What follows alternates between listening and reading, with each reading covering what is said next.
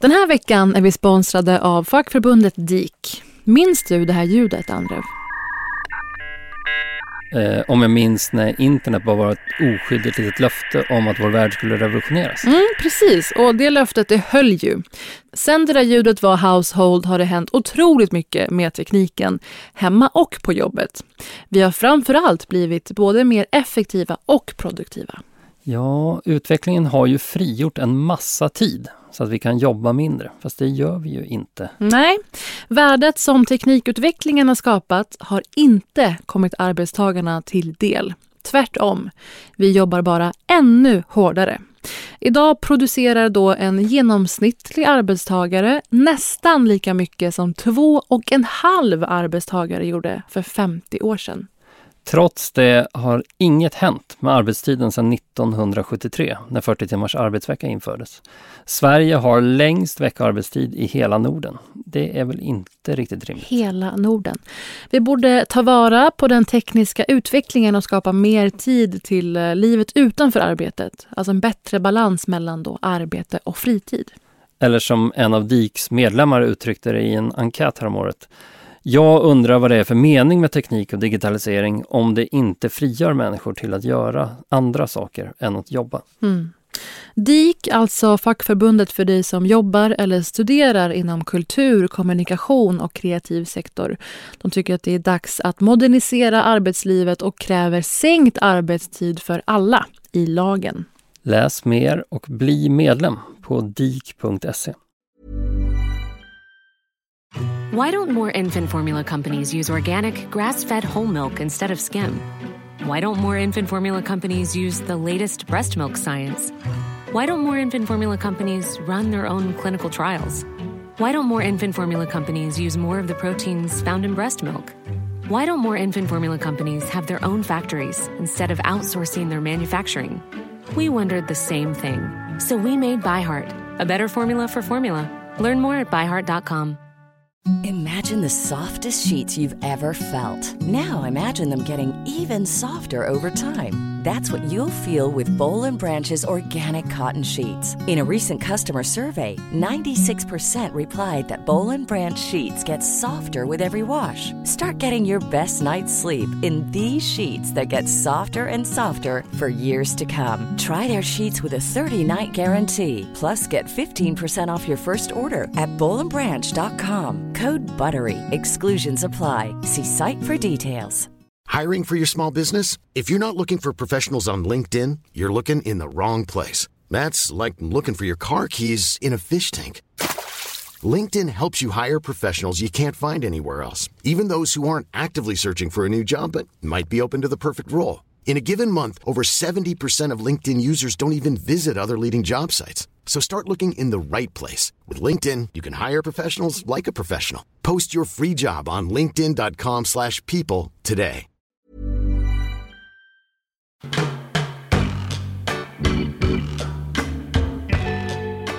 Förlåt att jag är lite andfådd. Mm. Förlåt att jag är lite sen. Jag unnade mig att vara sen för jag hade en plan att jag skulle ta en Uber hit. Oh. Men sen när det väl blev dags för en Uber så fick jag inte tag på Lisa och det är hon som har Uber-appen. Eh, jag har ju vägrat ladda ner Uber-appen eftersom jag tycker att den Ja men den är ju ett uttryck för den samtid som jag hatar. Men det här är otroligt intressant. Att eh, din fru anförtros med det här. Jag trodde det var som att barn inte har inloggat till eh, att köpa appar. Ja, att jag inte fick beställa Uber. Ja, att, om du hade den själv, då hade du kört hela tiden. Och hon orkar inte med det. Nej, det är mer bara att jag, jag hatar Uber. Jag vill inte ha med dem att göra. Nej, men, jag skulle precis fast ibland säga behöver jag dem och då måste du, jag ringa Lisa och säga beställ en Uber till mig. Ja, du tappar all liksom, moralisk, eh, ska man säga, inte styrfart, men eh, överlägsenhet när du ens nämner att du åker Uber ibland. Ja, jag lyckas inte vårda mitt hat mot samtiden äh. riktigt. Och sen när jag inte fick tag på någon Uber så försökte jag få tag i en vanlig taxi. Det går inte heller att få tag på idag eftersom mm här stryparsamhället liksom har hyvlat bort alla växeltelefonister. Man måste ha en app för att beställa en taxi. Tror jag har laddat ner den appen. Nej, men jag lekte med tanke på att skaffa en sån eh, telefon helt utan smartphones eh, funktioner i julas. Nokia 3310 typ. Ja, men, och det svåraste med det skulle inte vara att liksom inte kunna ladda upp på Instagram eller något sånt där. Utan att eh, man klarar sig inte som människa utan i Sverige idag. Du måste ha bank-id för allt.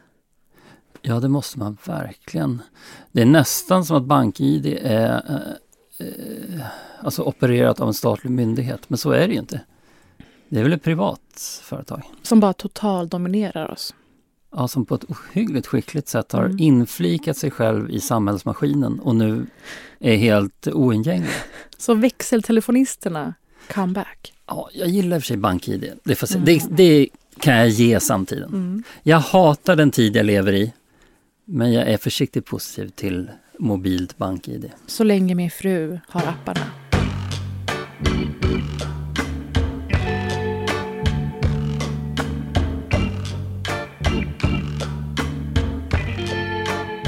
En fördom jag har om dig är att du kanske inte har gjort lumpen. Eh, ja, nej, det har jag inte Mm. gjort. Var det någon slags bohemsjäl? Jag vet inte riktigt själv. Alltså det var ju väldigt lätt att slippa lumpen Mm. när jag ju mönstrade. Ja, du gjorde det i alla fall. Redan då var det ju för dyrt om alla skulle göra lumpen, så de behövde att några föll bort. Mm. Men man vågade inte chansa, så jag, var ändå, jag jobbade väldigt omsorgsfullt med min act. Du tar droger, sa du. Ja, jag sa värre saker så jag kan inte ens säga vad jag sa till Men psykologen. säg lite. jag är fortfarande så- rädd att det här finns kvar i några arkiv någonstans, vad jag sa till psykologen. Nu säger du lite och så blipar vi det värsta. Producenten är med på det här. Nej, jag kan inte säga. Det är för Till smutsigt. mig! Nej. alltså jag ljög. Men det var så groteska lögner. Men det är på Så- gränsen till att bli inspärrad. Ja, det var, 30 år senare. det var inte som att psykologen trodde mig. Han, Nej. han sa bara, ja, ja, du slipper. Lägg Du har ner. fantiserat om att strypa din mamma. Det sa du. Ungefär så. Ah! Jag hade också, Där har ni tips till alla som kallas där ute. ja men nu kallas de inte, eller gör de Jo, det nu nu igen? kallas ja, nu de. det igång. Ja, men Hej, då kan jag vilt! dela med mig av ett tips och det var att jag innan jag skulle in till psykologen så eh, tog jag tvål i ögonen för att bli rödögd. Gud, jag blir så glad av det här. Det här är underbart, din svaga, jag- svaga man. Det är dag två. Man, eh, det är dag två man kommer till psykologen. Det är där man har sin chans Åh, att slippa. Eh, om man då inte liksom är halvblind eller något annat. kul! Det är som att Bradley Cooper hade mentol runt ögonen i uh, A Star Is Born för att se så ja, nedgången ut som möjligt. Han Ja. klagade väldigt mycket över det och att behöva spraytärna sig varje dag. Ja, det måste vara fruktansvärt. Jag menar allvar. Mm. Men, eh, nej, men in med tvål i ögonen. När du ska in till psykologen så säger du, jag, eh, förlåt jag har inte sovit på hela natten, jag kan inte sova hemifrån. Där kan du börja och sen jobbar du dig upp i grövre och grövre saker till psykologen säger okej, du slipper. Jag har fattat. Fan vad mäktigt. Nej, men för min lillebror eh, ska göra det. Han är ju 18. Mm. Och ehm, jag överraskade mig själv och min omgivning med att jag uppmuntrade honom. Det var lite överraskande. Visst, jag vill ändå tro att det är det. Jag kände att någon i familjen ska ha koll på överlevnadskunskaper, ett. Två, vara en man på insidan. För det kanske ger oss fördelar sen när det blir vilka som får hoppa på tåget som tar oss i trygghet i Danmark. Då kan ja, vi, då kan vi glida med att ha honom. en man i familjen. Ja, Mm. han ger oss de här privilegierna från insidan. Så jag sa, gå och gör det du. Och han kommer säkert få köra någon bil bara i Boden. Och ehm, kanske lära sig att tälta. Mm. Och det funkar jättebra för oss, känner jag. Så jag överraskade mig själv med det.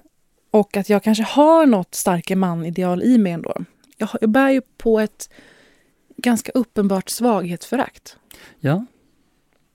Hur kan det ta sig uttryck? Ja, jag ser ner på folk som är, tar tvål i ögonen för att nej. Nej, men eh, jag är ändå pro någon slags eh, självbevarelsedrift. Mer än någonting annat tror jag.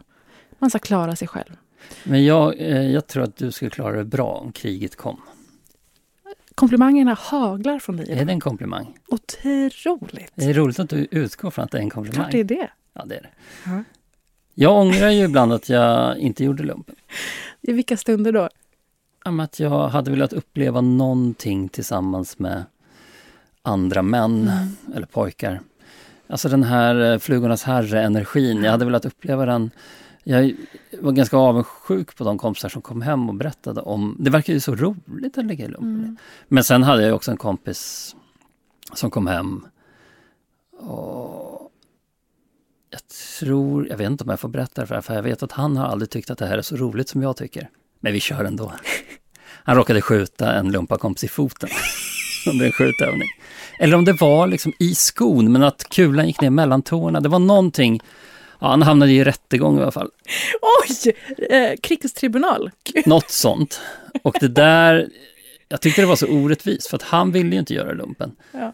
Och han, han var ju liksom inte fysiskt lämpad att göra lumpen. Han är liksom lite, vad säger man, dallrig i armarna. Ja. Han borde inte hålla ett vapen stående på ett led med en massa andra pojkar med vapen.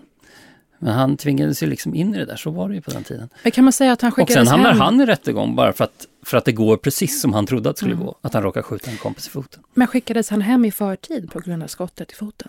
Det tror jag. Då var det en Jag geni- minns inte den här geniplan historien. med Eh, precis. Jag ska, ska grotta lite i den här historien och se om, han, eh, om jag får berätta den i sin helhet och hur det gick i den här rättegången. Hemskt gärna. Och det här är nog många som funderar på just den här veckan för att vi blivit ombedda att dö för Sverige.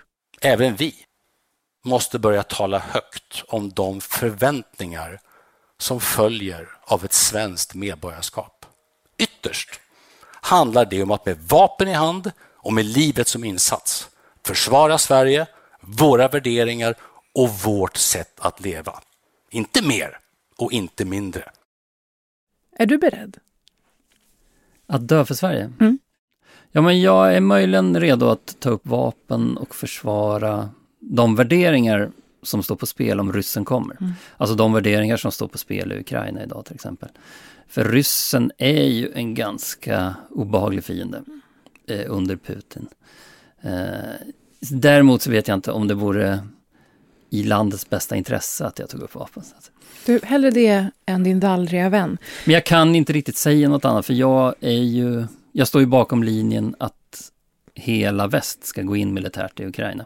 Även om det Även om det medför risken för ett tredje världskrig. För att jag tycker inte att vi kan Jag tycker inte att vi kan fortsätta med den här strategin att sitta och vänta på att Putin ska dö av cancer. När Uffe kräver det här och säger varken mer eller mindre, vad skulle vara mer? Eh, Det är väl lite bara som han säger. Han är ju ingen stor talare, det har vi slagit fast skulle- innan. Jag blev Det är bara utfyllnadsord. Vad skulle vara mer? Varken mer eller mindre. Men, Ja, du eh, kanske har en, ett svar på den här frågan? nej, men och sen så fortsätter han med ett tillägg och det är det här som istället har blivit mest eh, kontroversiellt. Medborgarskap är inte en resehandling. Ja, det är första gången jag hör det här. Men jag har ju sett debatten runt det.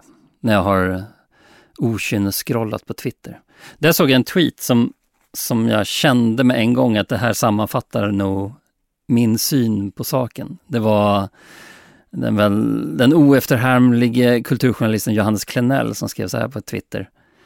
Det är så talande att när Tidögänget ska hålla på med krigsberedskap så är det första steget inte att de själva ordnar med fungerande mobiliseringsförråd, sjukhus och infrastruktur, utan att de istället börjar misstänkliggöra invandrares försvarsvilja. Det var väl det som många reagerade på, att, att det skulle vara något sorts landsfadligt och varnande, men det enda som följde med var eh, ett snabbt försök att splittra medborgarna. Men det uppfattades exakt som ett försök att då utmåla just utrikesfödda som de med sämst försvarsvilja. Att de får ett pass härifrån med alla friheter och skydd det innebär, kunna ta sig var som helst i världen. Men det finns ju då studier på att utrikesfödda har ganska hög försvarsvilja för att de ju faktiskt vet hur illa det kan bli i konflikter. Många av dem, inte alla. Eh, och sen också, hur är det ens relevant? Att vi ska behöva ta till oss den statistiken som finns. Och jag tror att Ulfs strategi i det är att få vissa, kanske då mer svensktolkade personer, bra ord förresten, Ja, där fick du till det. att känna ännu större ansvarskänsla.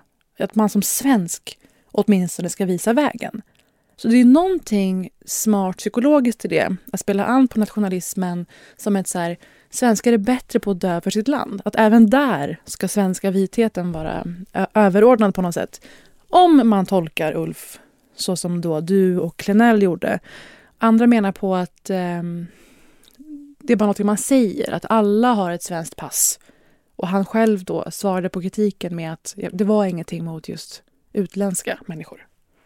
Jaha, han menar, jag hade ingen hundvissla på mig Typ vid det. tillfället. Men sen tycker jag att det vidare är intressant för att om man kräver kollektiva uppoffringar då måste det gå i linje med att vi har tillräckligt mycket kollektiva förtjänster som alla får ta del av.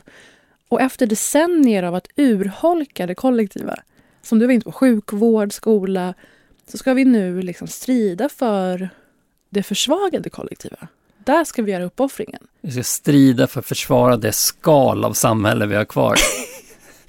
ja, och att det... Efter alla nedskärningar. Samhällskontraktet, är det intakt? Frågetecken. Har vi fått ut det som vi får? Och jag tycker att det här med ytterheten av medborgarskapet skulle vara att med vapen försvara sitt land. Ja, kanske, men that's what the money is for. That's what the money is for! Som Don Draper säger i Mad Men.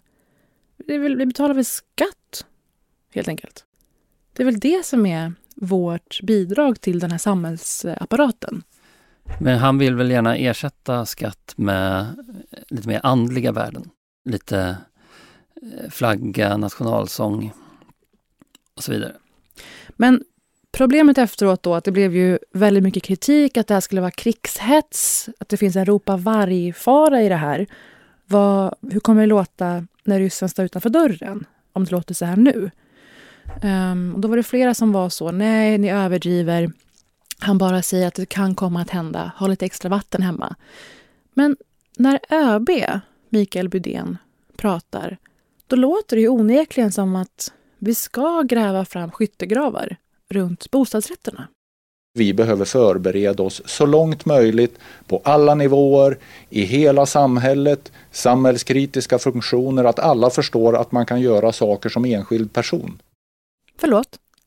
Så långt som möjligt, på alla nivåer. Det är ju stridstank på gatan han pratar om. Han menar ju allvar. Men hur ska man annars tolka så långt som möjligt? Det är ju fullt fräs. Ja, men jag kan samtidigt förstå att de, det militära, precis som alla andra samhällsfunktioner, känner en oerhörd frustration över att, att deras eh, institution i samhället är nedmonterad till skalet, eh, går på ångorna så att säga. Så att varje institution i samhällsapparaten tar ju sin chans när, när hotbilden finns där. Så att varför ska det militära inte ta sin chans, precis som, alltså, som man inom sjukvården tog chansen och, flagga för att vi går på, knä, vi går på ångorna när men pandemin det, kom. Men var det inte sant då? När sjukvården det är sant varje gång.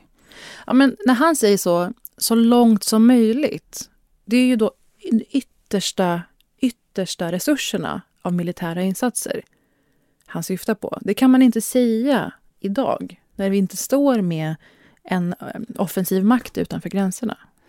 Fast det ligger i hans intresse att vi ska ta honom på allvar. Men däremot så behöver han ju inte det.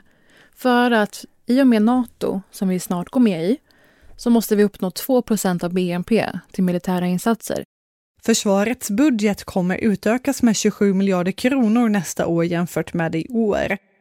Det, det, är ju därför man målar upp den här bilden av att det är nära förestående. För att när som helst så kommer man behöva slakta olika funktioner till förmån för militären. Så 2% av BNP, 27 miljarder kronor, ska in. Och då gör man hela den här cirkusen för att då motivera det. Dämpa den folkliga ilskan. Det här kommer behöva ske. Men jag tror att den här rädslan är paralyserande. Jaha, du tror att det är någon sorts wag the dog-scenario?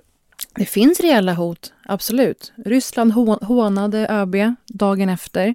Men jag tror att det verkligen är för att motivera att anslagen till militären kommer kosta på i samhället i stort.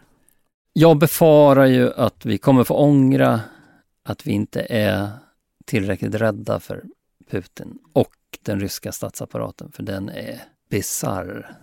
Ja, men det är gulligt då att Sverige skaffar den här myndigheten för heter det, psykologiskt försvar. Det är alltid från påverkanskampanjer till cyberattacker. Rimligt, befogat, absolut. Jag eh, läser det här och ser allt det här och påminns om när en eh, vän jag delade kontor med förut eh, efter då förra krigshetsvågen när Ryssland gick in i Ukraina. Min kompis då åkte på överlevnadskurs i skogen.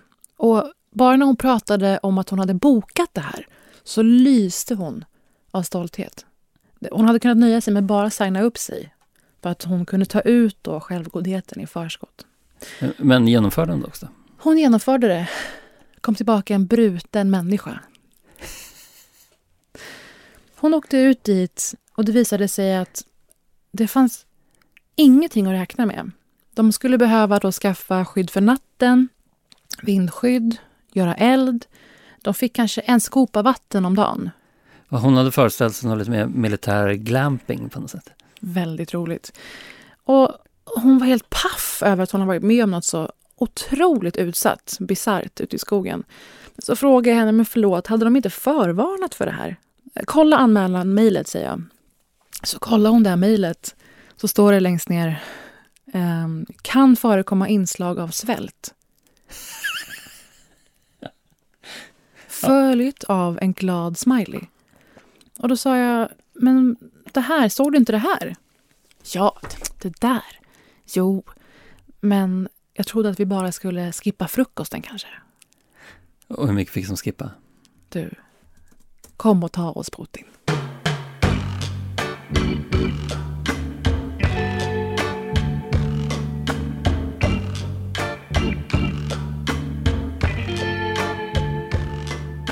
Häromdagen hasade jag omkring i mataffären och försökte tyda en inköpslista skickad i åtta sms. Det rörde sig alltså om en så kallad tjejskickad inköpslista. Får man säga så? Du får säga så och det avslöjar en hel del. Det kanske är dumt, för jag vet inte säkert om det där med splittrat smsande är tjejigt eller om det är mer av en generationsfråga. Jo, men det är det nog. Det är ju tjejgruppchatten som lever vidare. Ja, men den mest splittrade smsare jag känner är min vän Hermes Holm. Mm. Som kan skicka upp mot 20 sms på en minut med ett till två ord i varje. Han är född 85, så kanske är det millennials smsande. Kanske. Du är också millennial. Allt är chatt, eh, chattintegrerat, tänker jag. Ja, Lisa är ju inte millennial. Mm. Men eh, hon skickar sina inköpslistor mm. på det sättet. Ibland. Den här gången hade hon gjort det. Åtta sms uppblandade med skärmdumpar från Postnord-appen. Mm. Och skickade helt utan hänsyn till ordningen på varorna i butiken. Inköpslistor via sms ska ju vara samlade i ett sms. Vadå, hon borde också ha tänkt ut ordningen efter var hyllorna står i butiken? Ja, det är som man skriver ett inköpslista-sms. Frukt först, oh, frukt och grönt. gud vad analt. Sen ketchup, sen bröd och sen alltså kött, mejerier, eh, toalettartiklar är väl på slutet och godis där allra sist. Har du jobbat i butik? Nej. Vad är det här? Det är så man skriver ett inköps-sms. Ja, ja. Men den här gången så var inköpslistan kaotisk mm. och uppdelad i åtta sms. Det här är också årstiden när eh, alla kundvagnar och rullkorgar i butiken låter på ett fruktansvärt sätt eftersom det ligger det här smältgruset på butiksgolvet. Och i brist på den ADHD-medicin som jag aldrig kan få ut eftersom jag är för ostrukturerad för att skaffa mig en diagnos mm. så scrollar jag och försöker bocka av saker i den här kaotiska inköpslistan men glömmer hela tiden vad jag har bockat av. Så jag går varv på varv i butiken. Och på tredje varvet i den butiken svettig jag i min vinterjacka. Det var ju väldigt kallt ute häromdagen. Så på tredje varvet genom butiken så får jag ett litet bryt. Vänta nu, det här borde vara ADHD-utredningen. Att skicka in en person med inköpslista i en butik och sen bara övervaka. Det här, du, jag tror att du är bara klockren nu. Jag kanske bara kan be Coop på Bondegatan och bara skicka övervakningsfilmen till en doktor och få ut min ADHD-medicin. Ja, för då på tredje varvet så blir det tårar i ögonen och så vidare. Ja. Och jag känner att jag måste ut ur butiken. Mm. Men då känner jag någonting i fickan på den här vinterjackan. Det är snusdosan från nyår. Du kommer ihåg att jag tog en snus på nyår? Mm. Min första snus på nio månader. Förrädiska första snusen. Hur har det Mm. gått sedan dess? Jag skulle ju bara ta en snus på nyår. Mm. Men nu låg ju den där snusdosan kvar i fickan. Och då när jag fick brytet i affären, då blev det att jag tog en snus. Mm. Det var som att den där snusen jag tog på nyår väckte en varg i mig. Mm. En varg som vill ha snus. Eller har man en gång snusat och slutat snusa Mm. Så är det som att man har två vargar i sig. En varg som vill ha snus och en varg som är ledsen. Vargen som vill ha snus är stark och slug. Medan den andra är svag och ledsen. Och allt hänger ju på den senare vargen, den svaga och ledsna. Den som inte kunde göra lumpen. Ja, det är den vargen som ska försvara Sveriges gränser. Det är den vargen, den skabbvargen Ja. som stirrar håglöst mot månen och undrar vad poängen med existensen är. Mm. Det är den vargen som ska försvara kroppens tempel mot vargen som vill ha snus. Mm. Eh, Och den här svaga väktarvargen är ju beroende av väldigt tydliga rutiner om han ska klara det här. Till exempel nolltolerans. Inget snus över templets tröskel, så att säga. Templet måste stå stadigt för den här odugliga väktarvargen har inte en chans om det blir skakigt, som det blev i matbutiken här. Väktarvargen kan inte vända skogen ryggen för att hjälpa till med att hålla i templet, för då kommer snusvargen smygande ut ur skuggorna och anfaller. Och i matbutiken blev det skakigt. Väktarvargen vände skogen ryggen och jag tog en snus. Och vad gav det? Förklara för en icke-beroende. Det gav ett lugn. Mm. Och det var inte sista gången den här veckan Mm. jag tog en snus. Igår så stod jag i köket och knöt en soppåse. Eh, soppåsen var i vanlig ordning för högt lastad. Mm.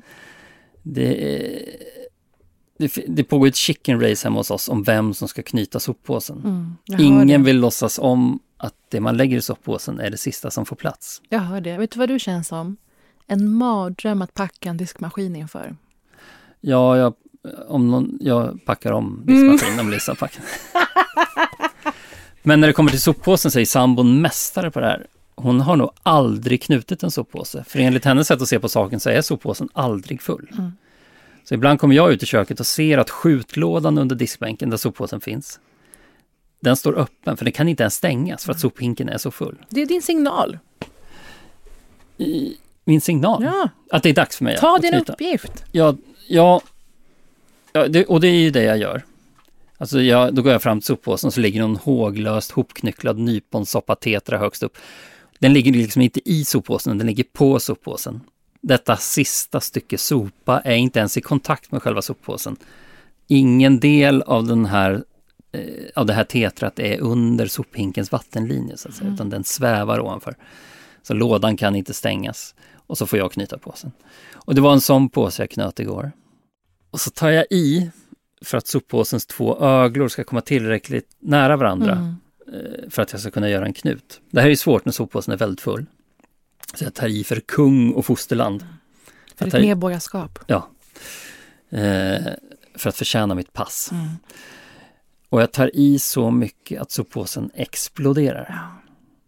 Det här sammanfaller med att Lisa tidigare på dagen har gjort te på det vilda sättet. Alltså inte med tepåsar, utan i kastrull med fritt flytande blad.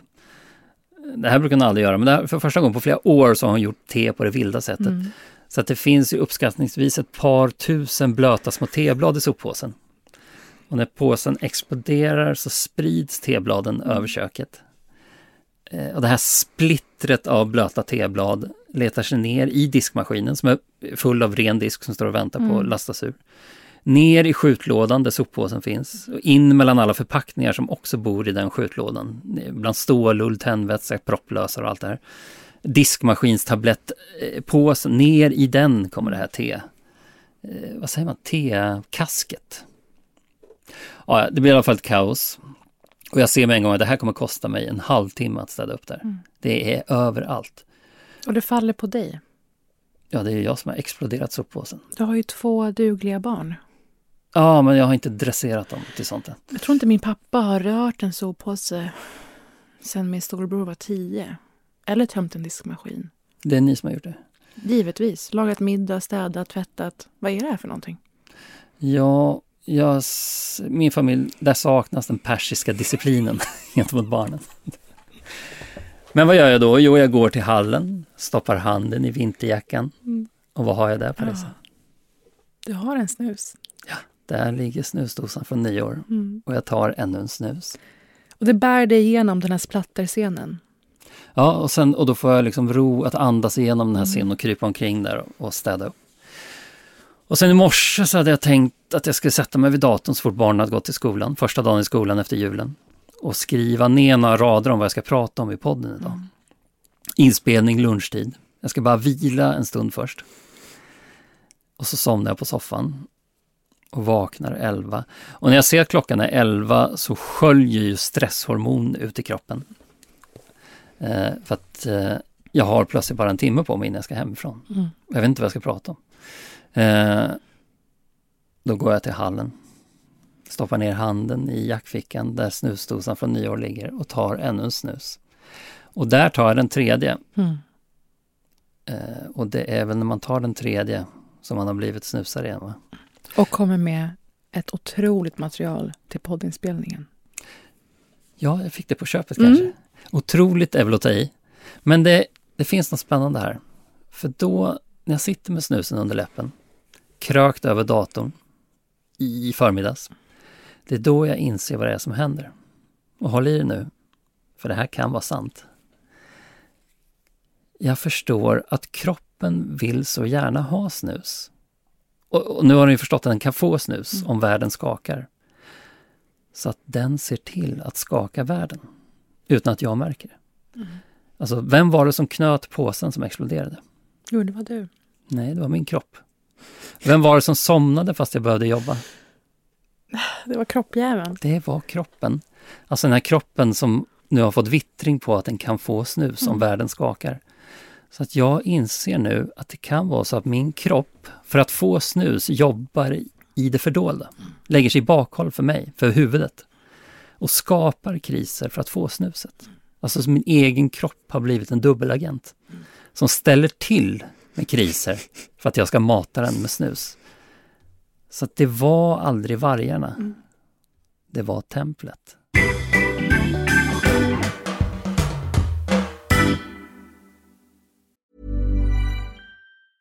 Hi, I'm Daniel, founder of Pretty Litter. Did you know cats tend to hide symptoms of sickness and pain? I learned this the hard way after losing my cat, Gingy. So I created Pretty Litter, a health monitoring litter that helps detect early signs of illness by changing colors, saving you money and potentially your cat's life. Pretty Litter is veterinarian developed, and it's the easiest way to keep tabs on your fur baby's health right at home. Go to prettylitter.com and use code ACAST for 20% off your first order and a free cat toy. Terms and conditions apply. See site for details. I'm Sandra, and I'm just the professional your small business was looking for. But you didn't hire me because you didn't use LinkedIn jobs. LinkedIn has professionals you can't find anywhere else, including those who aren't actively looking for a new job but might be open to the perfect role, like me.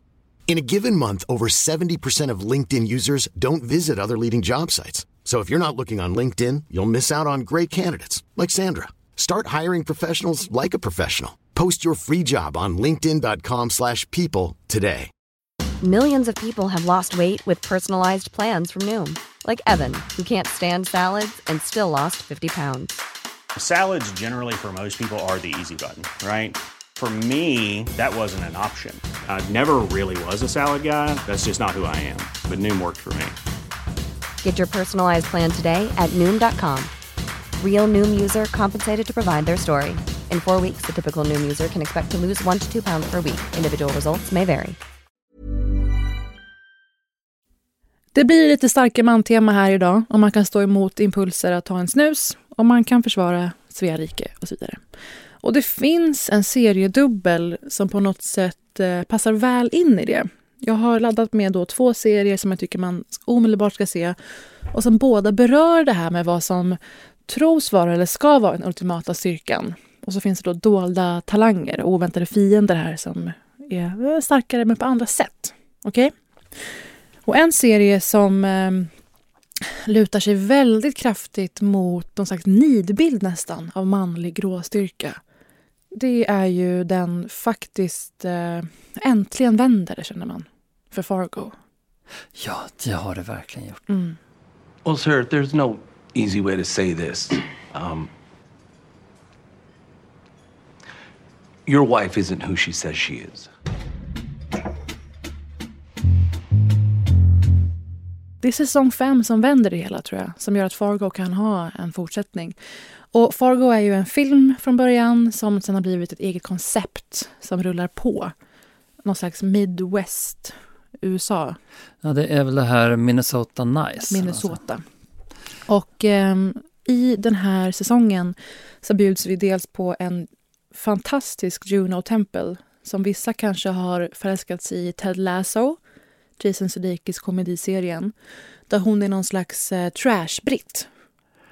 Ja, jag såg bara ett halvt avsnitt innan jag gav upp den serien. Men eh, är Juno Temple hon som spelar huvudrollen i nya Fargo-säsongen? Det är hon. Så Mm. i Ted Lasso är hon en så kallad trash-britt, som de flesta är där. Geordie Shore, det är liksom 90 procent av England.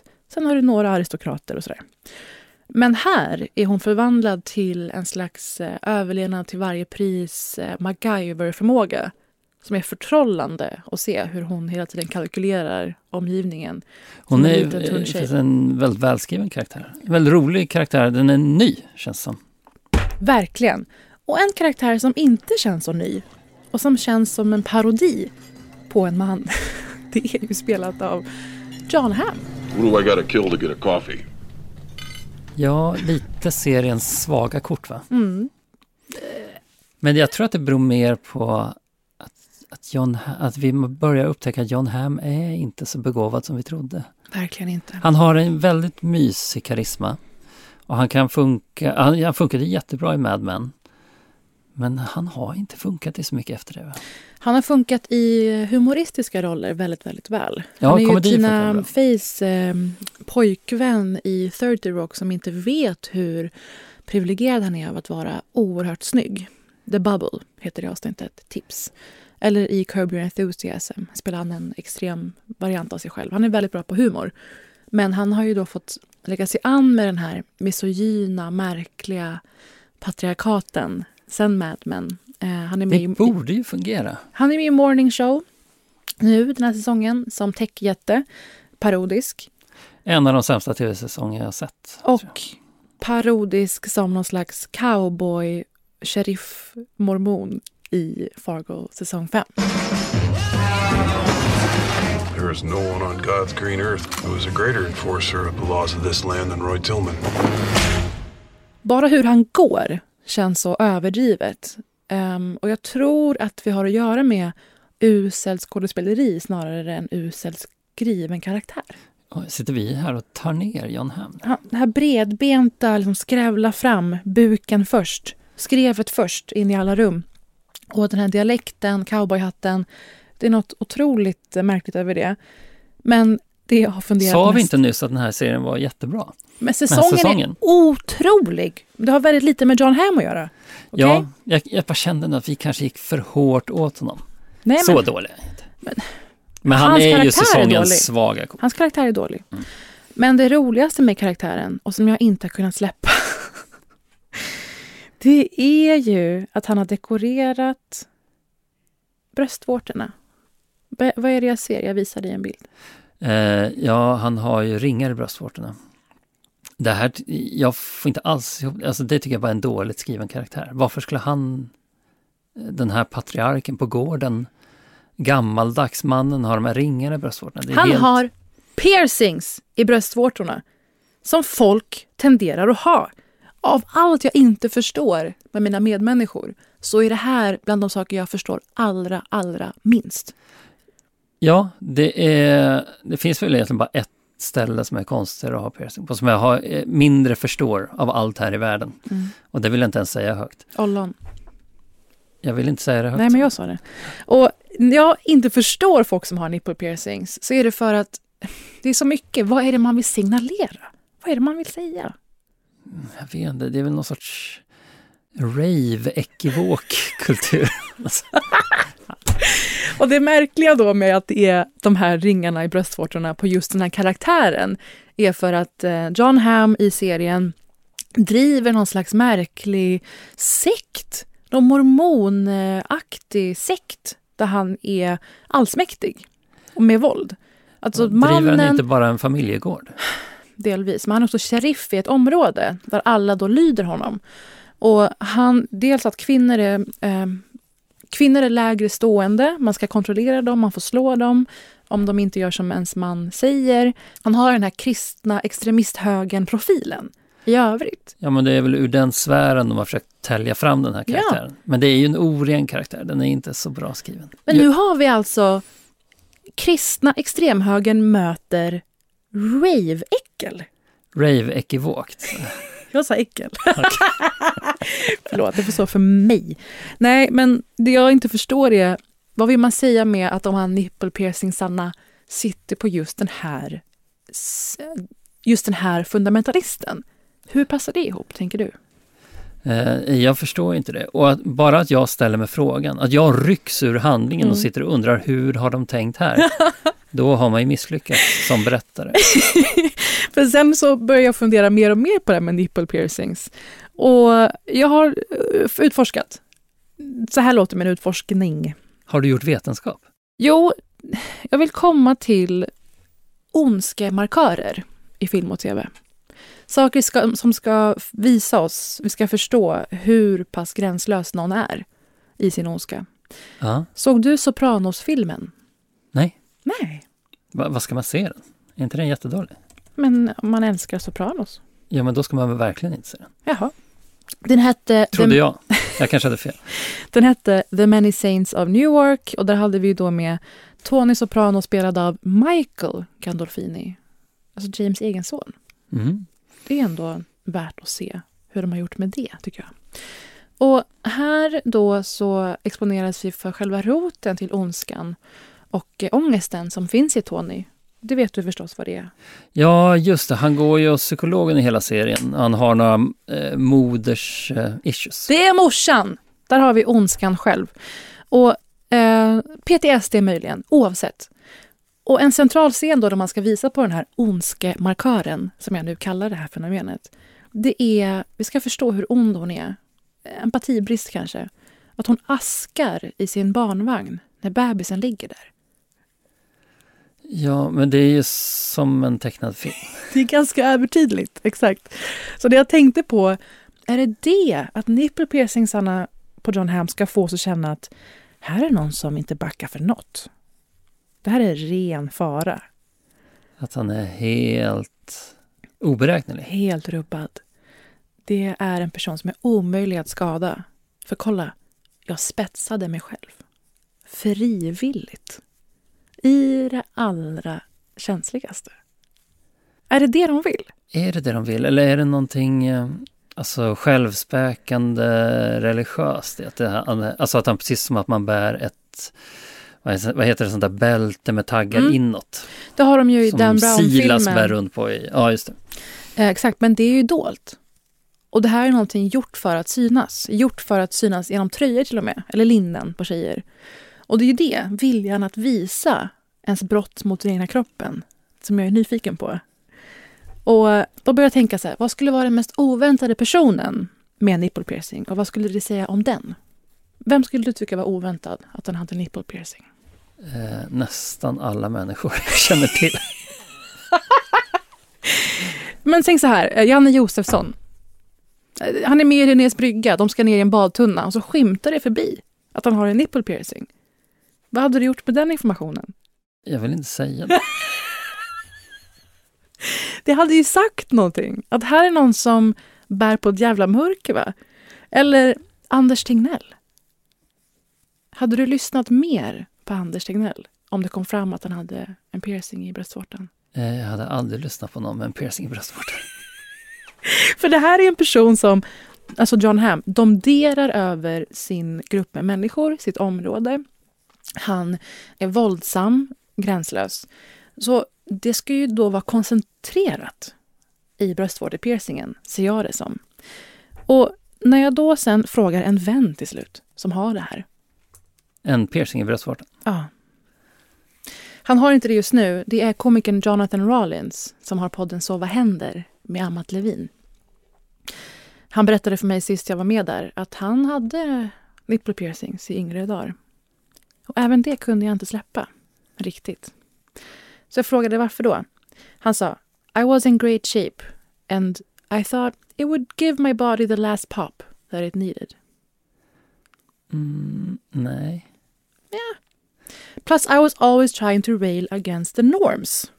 Okej, okay, nu börjar vi, nu börjar vi för, det är någon slags motkultur. Ja. Som punk, tjejer som har en sån lugg som slutar mitt i pannan. De vill ju också säga någonting. De vill säga samma sak. Men jag lyssnar på tjejer med lugg mitt i pannan. Ja, och vi är mottagliga för deras motkultur. Det här är bara en motkultur som jag har avfärdat som ett kolla, jag är eh, helt galen och kan eh, skada vem som helst. Jag ser det som ett direkt hot.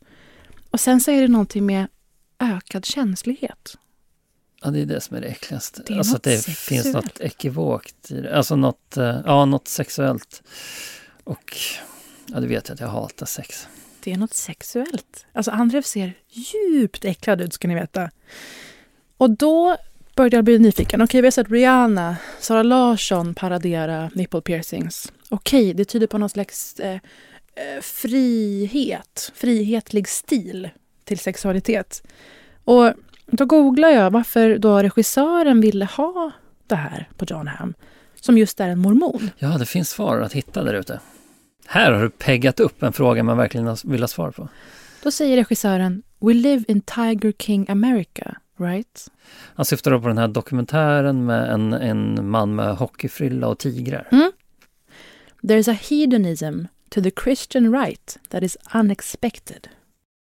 Så det vi pratar om är en hedonistisk kristen extremhöger. Det är ett sammelsurium av obehagliga saker. Men det, det kanske... Jag ska inte döma det här för, serien för hårt för det här valet att sätta ringar i John Hams bröstvårtor. För det kanske liksom leder någonstans.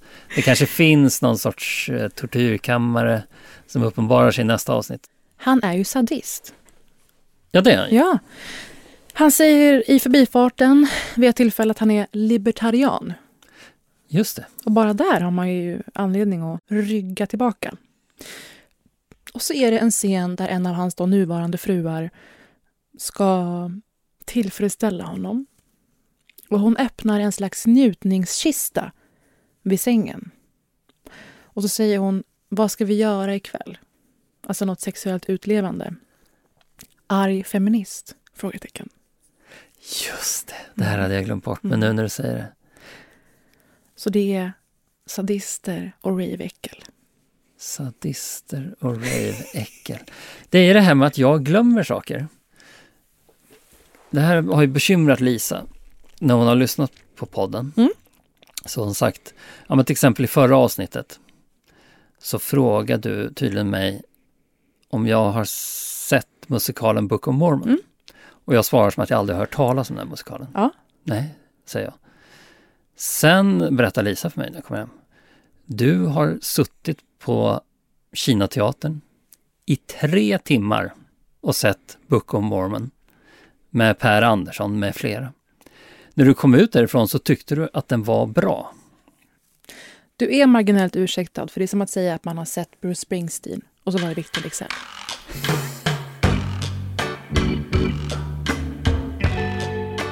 Och det var då den ena serien som jag tycker att man prompt omedelbart ska gå och se. Det är alltså Fargo säsong 5 som bjuder på en hel del. Och Här vill jag inflika, man behöver inte gå och se den utan man kan se den hemma. Det är så sjukt! Streama den hemma. Och eh, vidare på temat då starke man-idealets liksom, hot på något sätt. Små, små kvinnor med dolda talanger. Sprängkraft. Det är ju den oemotståndliga Natasha Leon som är i farten igen. Hon var med i den här Orange is the new black va?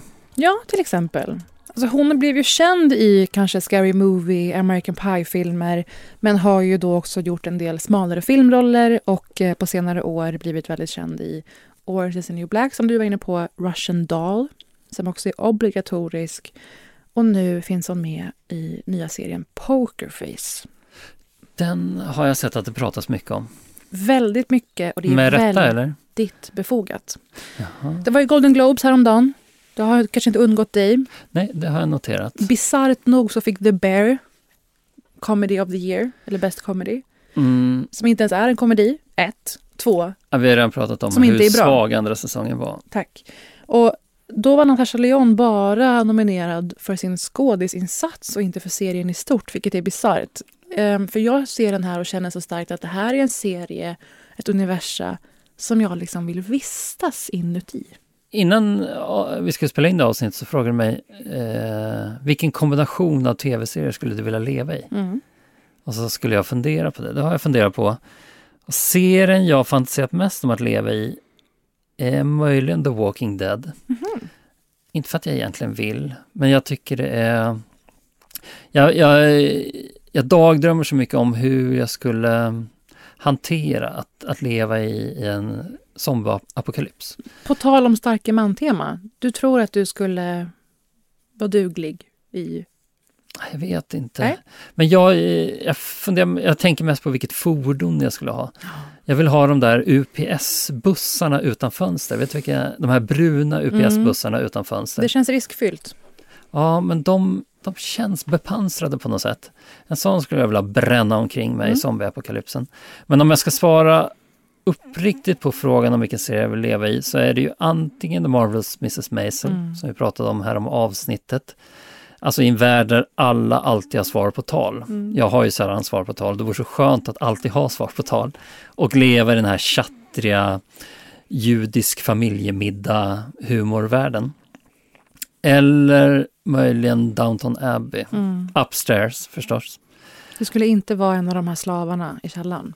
Men jag skulle också kunna tänka mig det, men helst upstairs. Men framförallt är det att få leva i en värld där allt inte sägs. Där det är en dygd att inte blotta sitt innersta. Det tycker jag är så fint när man tittar på Downton Abbey att de... Eh, alla går ju inte och fläker ut sig så att säga. Jag har ju en teori om att vi bara blir olyckligare ju mer vi pratar om att vi är olyckliga. Eh, och jag är ju absolut en del av detta samtidsgift. Men, eh, och jag tror att det är bara ett kulturellt ramverk som rakt av förbjuder mig att gå runt som en öppen bok skulle Mm. kunna stoppa mig från det. Eh, Jag tycker det, finns, det verkar finnas något väldigt vilsamt i att leva i den världen där det är en dygd att inte berätta hur man mår. Det är talande för dig. Du vill leva i en tid där liksom, radion gör ju entré under seriens gång, Downton Abbey. Det är en massmedial eh, psykos som pågår direkt.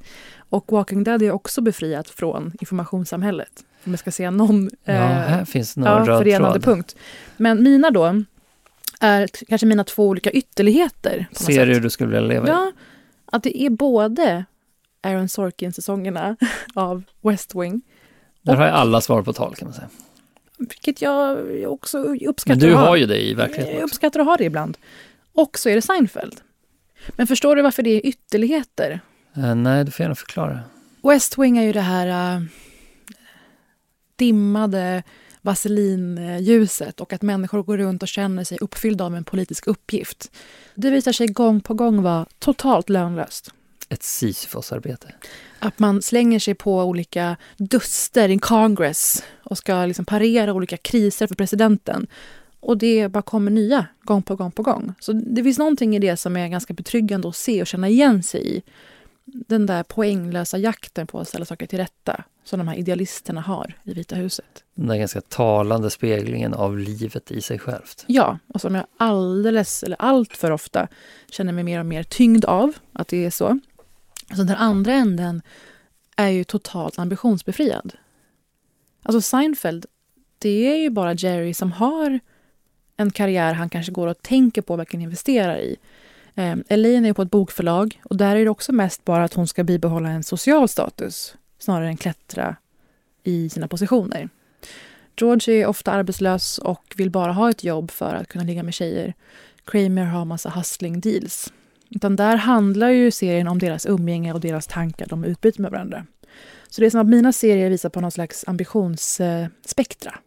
Men du vill ha både och. Så det är mina två då grundserier när jag tänker på det.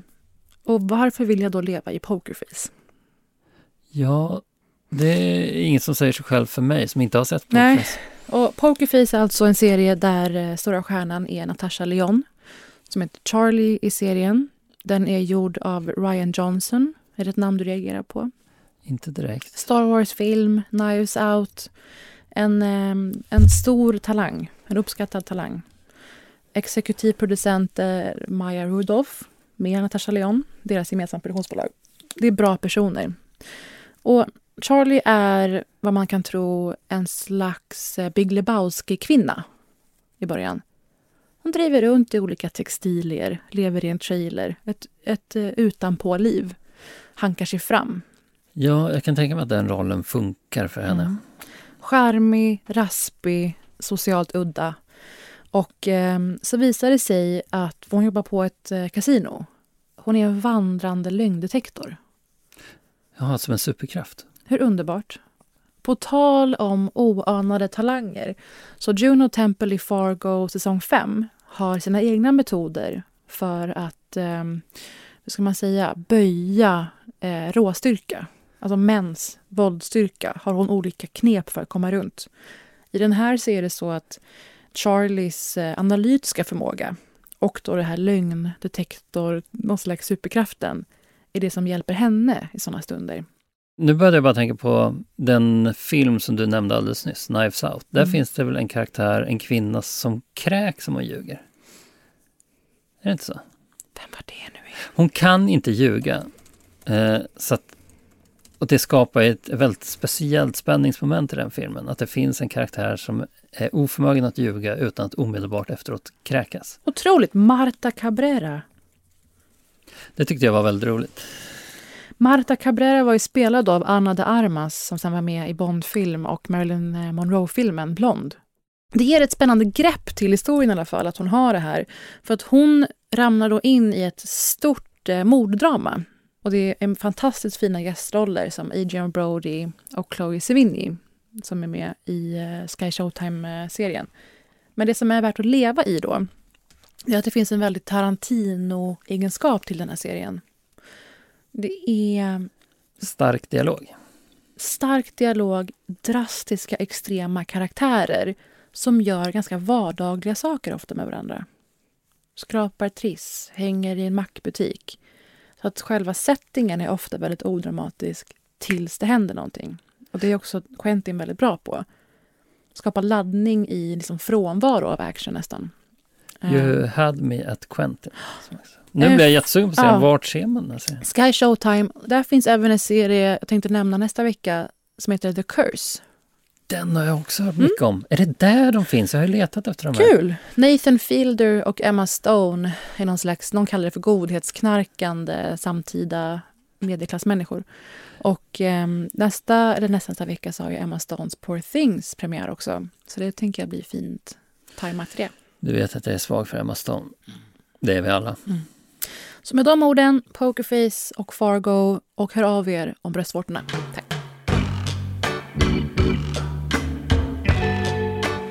Har du na, na, na, sett något? Det har jag faktiskt. Jag har sett förra årets bästa film. Nu är vi där igen. Det är för tredje avsnittet i rad vi pratar om förra årets bästa film. Jag kommer ju aldrig riktigt till saken eftersom mm. jag inte har sett alla filmer från förra året. Det har jag fortfarande inte, men nu är jag rätt säker på att jag har sett den bästa. Men jag är orolig. För du, du fick, orolig. Mig, du fick mig att se Dungeons and Dragons i helgen. Jaha, och det var du inte nöjd med? Det var ju Guardians of the Galaxy light på något sätt. Det, det var helt underbart. Ja, alltså Guardians är roligt, men jag tycker det här var lite väl kalkylerat. Okej, men den här som jag ska prata om nu, den är, det är allmänt accepterat. Okay. Att det är en riktigt bra film. Kan du gissa vilken det är? Antingen så är det Killers of the Flower Moon eller um, Anatomy d'une chute, Anatomy of a Fall. Någon av dem, tänker jag. Vilken hoppas du att du är? Jag hoppas på um, Scorsese-filmen, för jag har inte sett den än. Det är Scorsese-filmen. Ah, den har premiär den här fredagen på Apple TV+. Ja, jag hyrde den så där dyrt som mm. man kan göra mm. innan den har premiär. Mm. Man betalar 200. För att jag blev så sugen. Eller vi blev sugna hemma. Mm. Eh, och var ju helt knockade. Det, det är... Va? Ser du något som svävar över mikrofonen här? Det är min haka, för nu ska den stickas ut. Aha. Det är Scorseses bästa film sen Maffiabröder. Oh, okej, okay. men då... 1990. Då är jag öppen. Jag tycker att Scorsese nästan skulle kunna sätta punkt här. Mm. Mm, det kommer han ju inte att göra. Gottgör han The Irishman? Ja. Det här är ett bättre ställe att sätta punkt än efter The Irishman som väl var lite sådär, mm. det vi överens om. Eh, jag har ju aldrig betraktat mig själv som ett Scorsese-fan. Jag förstod aldrig riktigt storheten i Taxi Driver tycker väl inte att The Departed var hans väg tillbaka till den påstådda tronen så att säga. Mm. Men eh, det kan ha att göra med att jag aldrig varit så här jätteintresserad av konceptet maffian. Mm. Utöver just maffiabröder. Och Sopranos förstås. Alltså jag eh, kanske har blivit ett Scorsese-fan nu då, för att nu har han gjort tre av mina tio favoritfilmer på Mm. 2000-talet. Wolf of Wall Street, Nej. Shutter Island Mm. Och Killers of the Flower Moon. Mm. Och Killers of the Flower Moon är ju den bästa sen Maffiabröder, alltså den bästa han har gjort på Men 2000-talet. gud. Men då undrar jag varför han gick eh, i stort lottlös från Golden Globe-galan. Ja, det här förbryllade mig.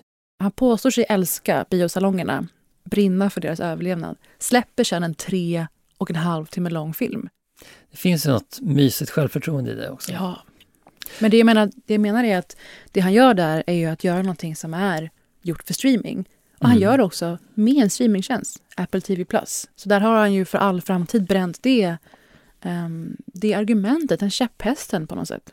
När jag såg Killers of the Flower Moon så började jag för första gången känna att jag är glad att jag fick leva jämsides Martin Scorsese. Att jag är glad att jag fick leva jämsides Leonardo DiCaprio, det visste jag redan. Mhm. Han har huvudrollen i alla tre filmerna jag nämnde som de tre Scorsese-filmer som tillhör de tio bästa filmerna jag Mm. sett på 2000-talet. Men jag vet inte om jag har sett Leonardo DiCaprio bättre någon gång än vad han är i Killers of the Flower Moon. Han är tillbaka till ondska, va? Ja, han är tillbaka till, eller tillbaka vet jag inte, men det är, Django Unchained, eh, Leo DiCaprio. nej, där är han ju listig. Mm. Där är han ju underbar. Mm.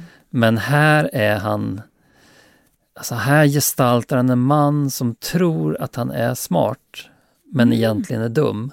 Mm. Och det är ju trollbindande. Det låter Eh, magiskt. mm, och det, han är så oerhört duktig på att spela den rollen. Jag tänker på Joaquin Phoenix i Gladiator. Men det kanske inte är så eh, nedtonat. Ja, men det är lite samma. Joaquin Phoenix i Gladiator är ju den ultimata skurken. Eftersom han är, han är inte så smart. Han är en liten pojke. Han är en pojke i en vuxen mans kropp och han har de här små känslorna. Mm. Eh, men det här, nej, det här som, som Leonardo DiCaprio gör i Killers of the Flower Moon är något helt annat när jag tänker efter. Det här är mera, man måste bara se den.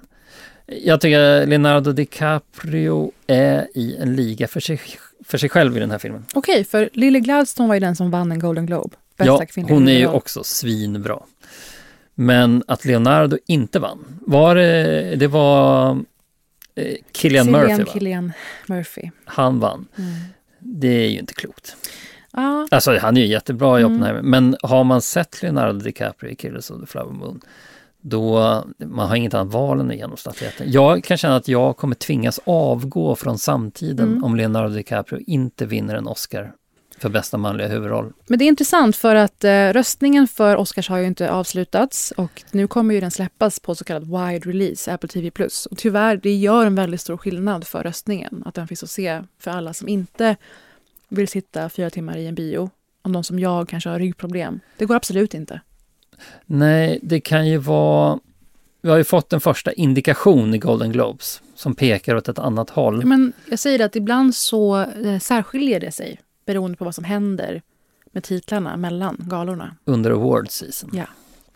Just det. Jag vill också nämna att det var kul att Robert De Niro fick bri- briljera i en värdig roll. Mm.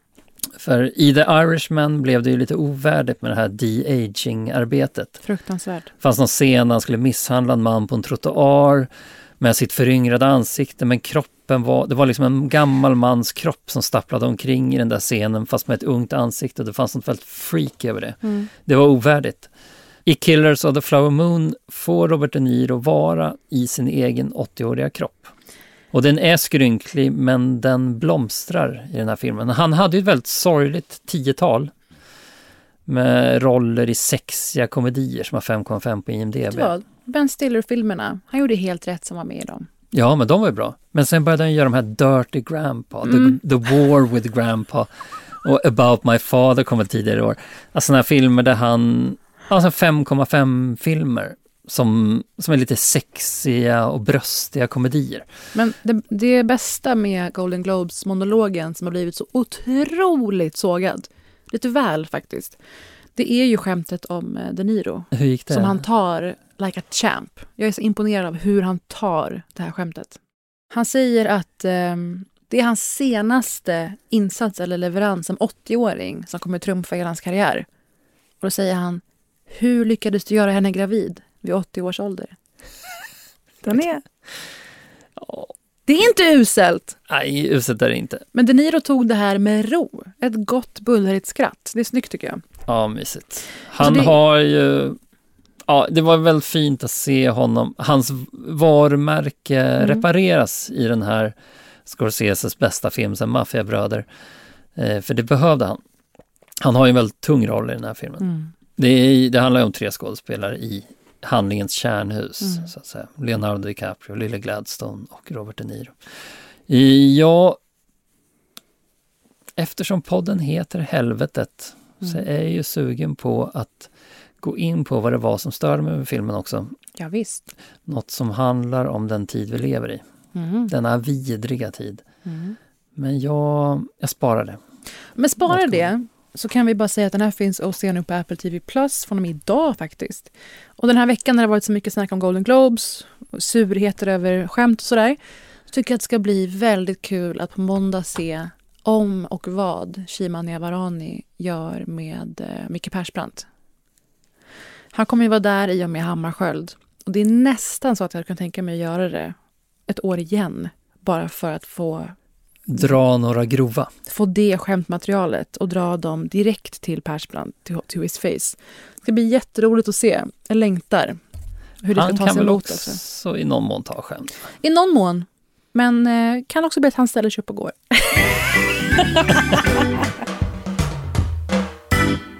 Jag är lite besviken över att Elle Fanning inte vann bästa kvinnliga För? för sin insats i tredje och sista säsongen av The Great. Vad du gillar den? Jag gillar den. Jag tycker framförallt att hon är oerhört eh, bra. Det är ju manusförfattaren till min favoritfilm The Favourite eh, som har gjort den, då, den serien. Jag har försökt ta mig an den men ibland när satir är så övertydlig så tappar det sin laddning för mig. På något sätt. Eller en slags parodisk variant av historia. Alltså i första två säsongerna så har ju Elle Fanning och Nicholas Holt, han about the boy-mannen som har Mm. blivit vuxen. De tror jag har haft en väldigt fin eh, dynamik, fin kemi de första två säsongerna. Det har varit stor humor.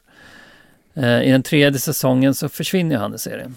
Möjligt att jag kanske spoilar nu men det gör inte så mycket, det är ju mest en komedi. Och det är också historiskt belagt på något sätt. Mm, ja, sådär. Ja, sådär. Det som händer är att Elle Fanning får ju under större delen av tredje säsongen bära serien själv. Och sättet hon klarar det på visar att hon är en av vår tids mest underskattade skådespelare. Ah, roligt. Men har du någonting här med dockfaktorn igen? Som du hade förra veckan med Rebecca Ferguson. Jaha, du menar att hon skulle må bra av att växa ur sin ungdomliga docksöthet Mm. för att vi ska börja ta henne på allvar? Alltså, du sa det. Nej, hon är så begåvad så att hon... eh, Man ser det redan nu, fast Men- hon är. Hur Ja, det är hon verkligen. satans begåvad hon är. Men är det så att den lyfter säsong tre? Nej, säsong tre är den svagaste Ah, säsongen. ja. Men hon lyfte, eftersom hon får bära serien själv i säsong tre. Och jag blev rörd av hur begåvad hon är. Jag vill se, jag vill se henne på större scener. Mm. Nej men det kanske är dags att dra på sig jackan och gå tillbaka ut i helvetet. Din ADHD-utredning väntar på matbutiken. Ja, det kan bespara mig en lång väntetid Mm. på en remiss. Tack för att ni lyssnar. Det här har varit Helvetet. Jag heter Parisa och det där var andra. Och hej då. Gulligt.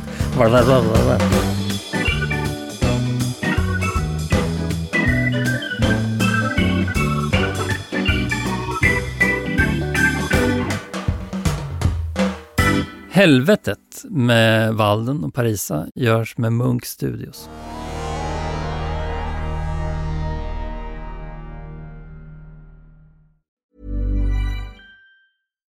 Why don't more infant formula companies use organic, grass fed whole milk instead of skim?